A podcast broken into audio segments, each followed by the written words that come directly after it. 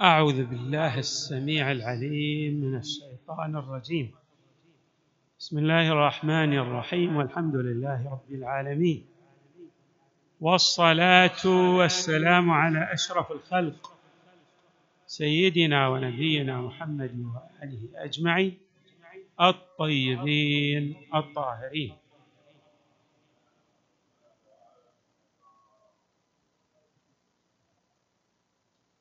قال الله تبارك وتعالى في القرآن الكريم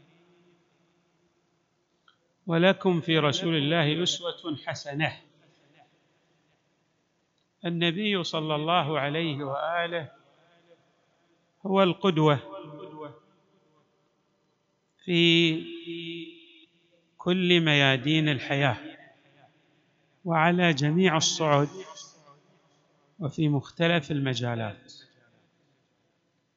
للنبي صلى الله عليه وآله توجيهات متعددة. جاءت بعنوان الوصايا تارة وبعنوان المناهي تارة أخرى أي أن النبي صلى الله عليه وآله ينهى عن ارتكاب بعض الأمور لأنها تؤدي إلى أشياء توجب الإضرار بالإنسان إما من الناحية المادية أو من الناحية المعنوية. ولهذا ينهى النبي صلى الله عليه وآله عنه. وجاءت وصاياه في هذا الجانب بعنوان المناهي مناهي النبي صلى الله عليه وآله. وله جنب أخرى جاءت بعنوان الوصايا. من أهم تلكم الوصايا ما أوصى به صلى الله عليه وآله مولانا أمير المؤمنين عليه السلام. النبي مجموعة من الوصايا أوصى بها الإمام أمير المؤمنين عليه السلام. هذه الوصايا بعضها يكشف اللثام عن بعض الجوانب أي أن النبي صلى الله عليه وآله يميط ويكشف أن بعض الجوانب لها تأثير سلبي وحري بالإنسان أن يلتفت إلى ذلك التأثير أو لها تأثير إيجابي وحري بالإنسان أن يحصل على ذلك التأثير الإيجابي. من هذه وصايا والتي حري أن تكتب بماء الذهب. يقول صلى الله عليه وآله يا علي إنه لا فقر أشد من الجهل. ما في فقر. الفقر هو العوز. إنسان يحتاج إلى شيء فلا يجده. غير أنه تعارف للناس إطلاق الفقر على العوز في الجانب المالي ولكن الفقر يشمل غير الجانب المالي أيضا. الإنسان فقير إلى الله ليس فقط في المال في الصحة في كل الأمور التي ترجع إلى وجوده. بل كما يعبر بعض الحكماء الإنسان في حقيقته هو الفقر لأنه لا وجود له إلا بماذا؟ بارتباطه بوجود الحق تبارك وتعالى. إمام يقول على النبي صلى الله عليه وآله يقول لا فقر أشد من الجهل. الإنسان الذي يجهل هذا في الحقيقة أفقر إنسان. لماذا؟ لأنه بالعلم يستطيع أن يصل إلى كمال. الجهل ماذا يؤدي به؟ يؤدي به إلى فقر مدقع إذا صح التعبير. بمعنى أن الجاهل يؤدي به جهله إلى أمور لا يحمد لا تحمد عقباها كيف أن بعض الأمراض تورث امراضا أخرى؟ الجهل كذلك. يؤدي بالإنسان إلى عدم يتلوه عدم. وإذا أردنا أن نعبر إلى فقر يتلوه فقر آخر. ولهذا النبي صلى الله عليه وآله يقول لا فقر إنه لا فقر أشد من الجهل. معنى ذلك أن العاقل عليه أن يكون على علم ودراية في جميع مفردات حياته. في كل شيء يريد أن يخطو نحوه خطوة إلى الأمام عليه أن يكون على دراية به. أن يلتفت إلى الجوانب السلبية والإيجابية منه كي يتجنب الجانب السلبي وأيضا يحصل على الجوانب الإيجابية في ذلك الشيء الذي يريد أن يحصل عليه. ثم يقول ولا مال أعود من العقل ما في مال يحصله الإنسان المال هو ما يتمول به يعني ما يستغنى به. يقول هذا عنده مال المال مو شرط هو النقود. كل شيء يمولك وتستغني به هو مال. ولذلك المال يطلق على العقار على الأشياء الأخرى التي تعود بالنفع ويمتلكها الإنسان. يقول هو يعني مال. النبي صلى الله عليه وآله يقول أعظم ما يتمول به الإنسان هو عقله. العقل ماذا يراد به؟ العقل يطلق ويراد به أحد معنيين. المعنى الأول مأخوذ من العقال. نقول عقل الشيء بمعنى ربطه. وهو بهذا المعنى يراد به القوة المدركة التي تلتفت إلى الجوانب السلبية والآثار الوخيمة في أي شيء فتحجز الإنسان عن الاقتراب منه أو ارتكابه. هذا معنى أو أحد معنيين يطلق عليهما العقل. العقل هنا بمعنى العقال. ويراد به كما قلنا قوة معنوية يمتلكها الإنسان تؤدي بهذا الإنسان أن لا يخطو نحو ما يوجب له الندامة. يعني يحضر نفسه عما يؤدي به إلى الجوانب السلبية. والمعنى الثاني للعاقل أيضا يراد به شنو؟ الإدراك. بس أي إدراك؟ الإدراك الذي يؤدي بالإنسان إلى تحصيل ما يتبوأ به المقام السامق والرتبة العالية في عوالم الغيب في الآخرة.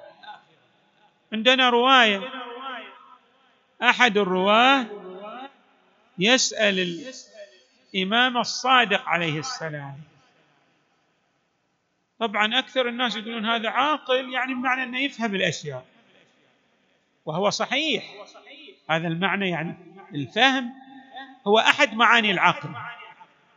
بس في بعض الأحيان الإنسان قد يسخر هذا الفهم فيما لا يعود عليه بالخير بالخصوص في آخرته. فيحول هذه الفطنة والعقل إلى شنو؟ إلى وبال إلى مأساة عليه. لأنه يستفيد من ذكائه وفطنته فقط في عالم المادة مدة حياته ثم ينتقل إلى عالم الآخرة ويكون قد اكتسب بتلك الفطنة جبال. من المآثم والذنوب والعياذ بالله. ويخلد في نار جهنم. هذا شخص يسأل المعصوم عليه السلام. يقول له يقول له طيب إذا كان العقل يراد به فقط الفطنة هذه يقول له يعني هذا بعض الناس الذين كانوا يعادون أهل البيت ويسيرون في اتجاه مخالف لأهل البيت هم في أعلى مراتب تلك الفطنه والعقل. فلذلك هذا الراويه قال والذي في معاوية؟ يعني معاوية أيضا كان داهية. وعنده فطنة؟ وذكاء بالخصوص في الجانب السياسي لأنه يستطيع أن يحصل على ما يبتغيه لكن بما يخالف رضا الله تبارك وتعالى. الإمام عليه السلام قال له لا هذا مو بالعقل هذا. هذا مو بالعقل. ثم فسر الإمام عليه السلام المراد الدقيق من العقل. قال العقل ما عبد به الرحمن واكتسب به الجنان يعني الذي يؤدي بك إلى السير في الصراط المستقيم في الدنيا واكتساب الرضوان الإلهي في عوالم الغيب الرتب العالية عند الله تبارك وتعالى. اذا عرفنا الآن إن العقل يراد به هذا المعنى الدقيق. ولا مال اعود من العقل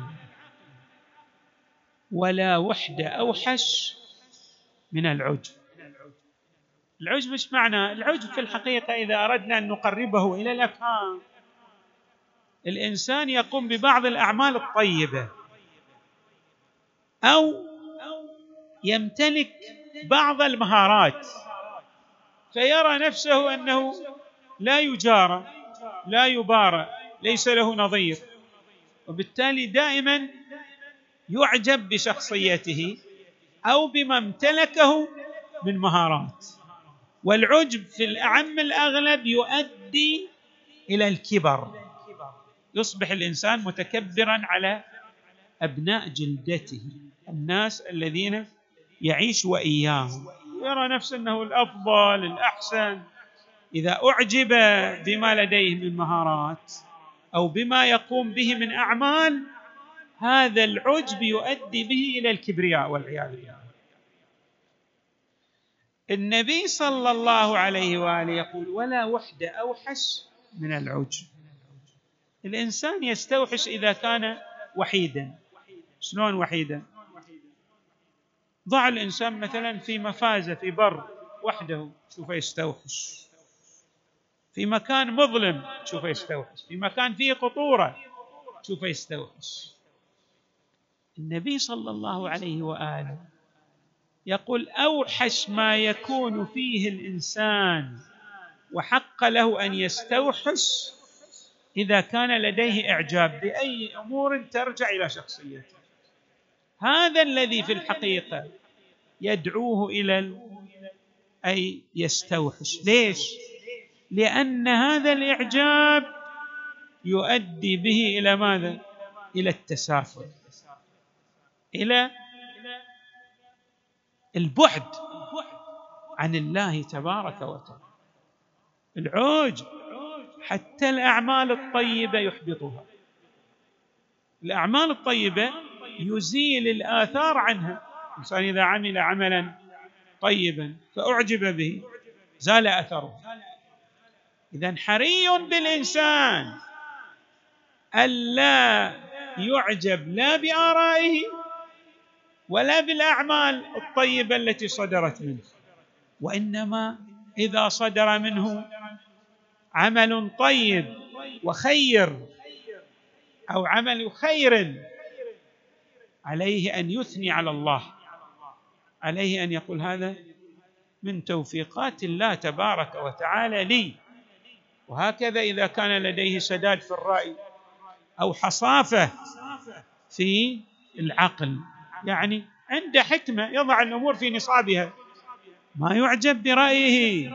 يقول هذا من توفيقات الله تبارك وتعالى. اذا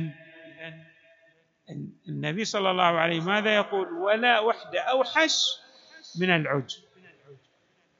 أيضا يقول لعلي عليه السلام ولا مظاهرة أحسن من المشاورة. المظاهرة ماذا؟ تتخذ ظهير يعني معين مساعد. يقول أحسن شيء يساعدك في اتخاذ أي قرار في أمور الحياة؟ أحسن شيء يؤدي بك إلى ماذا؟ إلى المساعدة. هو أن تستشير الغير. بالخصوص من ذوي الخبرة في المجال الذي تريد أن تقوم بعمل ما فيه تروح إلى ذوي الخبرة ذوي الاختصاص وتستشير أولئك. تقول لهم أنا راح أتخذ هذه الخطوة. يقولون لك يبينون لك يفصحون لك عن الأمور التي تؤدي بك إلى النجاح والفلاح في الخطوات التي تخطوها في مسارك. ولا مظاهرة يعني لا مساعدة أحسن من المشاورة. بعد. يقول ولا عقل كالتدبير. إنسان العاقل يحتاج أن يكون مدبر. إيش معنى مدبر؟ نقول هذا عنده تدبير. ونطلق هذا التدبير. يعني الإنسان المدبر اللي عنده يمتلك جوانب إدارية جميلة إذا صح التعبير الحديث. عنده إدارة. يعرف الأولويات. في تعبيرنا الآن الحديث نقول عنده أجندة. يقدم دائما الأهم. ما يروح. حتى عندنا أيضا في الروايات. إذا أضرت النوافل بالفرائض فاتركوها فدعوها. دائما ماذا؟ يأخذ بالأولويات في حياته. ولذلك تشوفون هناك مثلا في علم الإدارة الحديث يهتمون بمسألة الأولويات. الانسان الناجح في أي مجال تجده أنه يلتفت إلى أولويات حياته. مثلا عنده أولويات في الجانب الأسري ما يروح يدع الجانب الأسري ويركز مثلا على التفوق في الجانب الاقتصادي. عنده أولويات مثلا في الجانب الاقتصادي ما يروح يدع الجانب الاقتصادي ويركز على الجانب الاجتماعي. بل عنده ماذا؟ التفاته دقيقة جدا إلى أن يعمل الأهم قبل المهم. دائما يعمل الأمور ذات الأهمية الأكبر ويدع الأمور التي هي أقل منها أهمية. ولا عقل كالتدبير. الإنسان المدبر هو الذي ماذا؟ يفعل الأهم اولا. ولا حسب كحسن الخلق. بعضهم إيش معنى الحسب يعني إنسان مثلا من قبيلة مرموقه من أبوين كريمين ودائما راح يعتد بحسبه أو بمكانته الاجتماعية. يقول النبي صلى الله عليه وآله أعظم من هذا من حسبك ونسبك. والمكانة الاجتماعية التي تتبوأها الأعظم ما هو؟ أن يكون لديك الخلق الكريم في التعامل مع الطيف المتعدد من الناس. هذا أروع ما يكون عليه الإنسان. هذا أفضل من انتمائك إلى أبوين كريمين أو إلى أسرة كريمة لأن هذه الأخلاق هي التي تكتسب بها المكانة الكبيرة عند الناس وعند الحق تبارك وتعالى. ولا حسب كحسن الخلق ولا عبادة كالتفكر. كل العبادات إحنا عندنا عبادات حج صلاة صوم زكاة كثير من العبادات. ذكر لله تبارك وتعالى. كل العبادات ماذا؟ هي أقل في مرتبتها من التفكر. حتى ورد أن تفكر ساعة أعظم ويساوي أعظم من عبادة سبعين سنة. الإنسان واحد يسأل طيب كيف أفكر؟ الأئمة أوضحوا لنا ذلك. أعطونا بعض الأمثلة على كون الإنسان يفكر تفكيرا دقيقا. مثلا من مجالات التفكير الدقيق أن الإنسان يمر على الأطلال. المقابر. الأطلال يعني البيوت البالية. الآن مثلا في هذه القرية المباركة التي نحن الآن فيها تمر مثلا على بعض البيوت. اللي مهجورة. مات أهلها. والناس خرجوا منها. بقيت. منازل طينية. ما أحد يلتفت لها ولا أحد يسكن فيها. يخاطب ذلك المكان بعقل. يقول أين أهلك؟ أين ساكنوك؟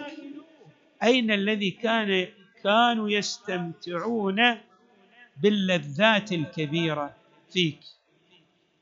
انتهوا خلاص. مر عليهم عصرهم فغادروا هذه الدنيا. كما نعبر إما إلى جنة إما إلى نار. أما إلى جنة وأما إلى النار والعياذ بالله. هذا نوع نمط من التفكير أنحاء كثيرة ومتعددة من التفكير. إنسان يفكر أيضا في حياته يلتفت إلى عمر الله يقول هكذا متعجب. الله أكبر. كيف كنت مثلا في سن الشباب ثم زال ذلك الشباب والآن أنا مثلا في سن الشيخوخة وهكذا أيضا يفكر إلى في عياله يقول كانوا صغار ثم كبروا. وأيضا يفكر في الأمراض التي تعتري جسده. فيقول كنت بصحة كبيرة. يفكر في الحوادث التي جرت عليه وعلى غيره وأنه ليس بمأمن ليس لأحد مأمن في هذه الحياة. كما جرى على غيرك من الحوادث قد يجري عليك. فتلتجئ إلى الله تبارك وتستعين به. اذا هنا ماذا تقول الوصية لعلي عليه السلام؟ ولا عبادة كالتفكر. أعظم العبادات التفكر وربط الأشياء بالحق تبارك وتعالى. نسأل الله تعالى أن يجعلنا مع نبينا المصطفى صلى الله عليه وآله ومع آله البررة الميامين في الدنيا والآخرة وصلى الله وسلم وزاد وبارك على سيدنا ونبينا محمد وآله أجمعين الطيبين الطاهرين.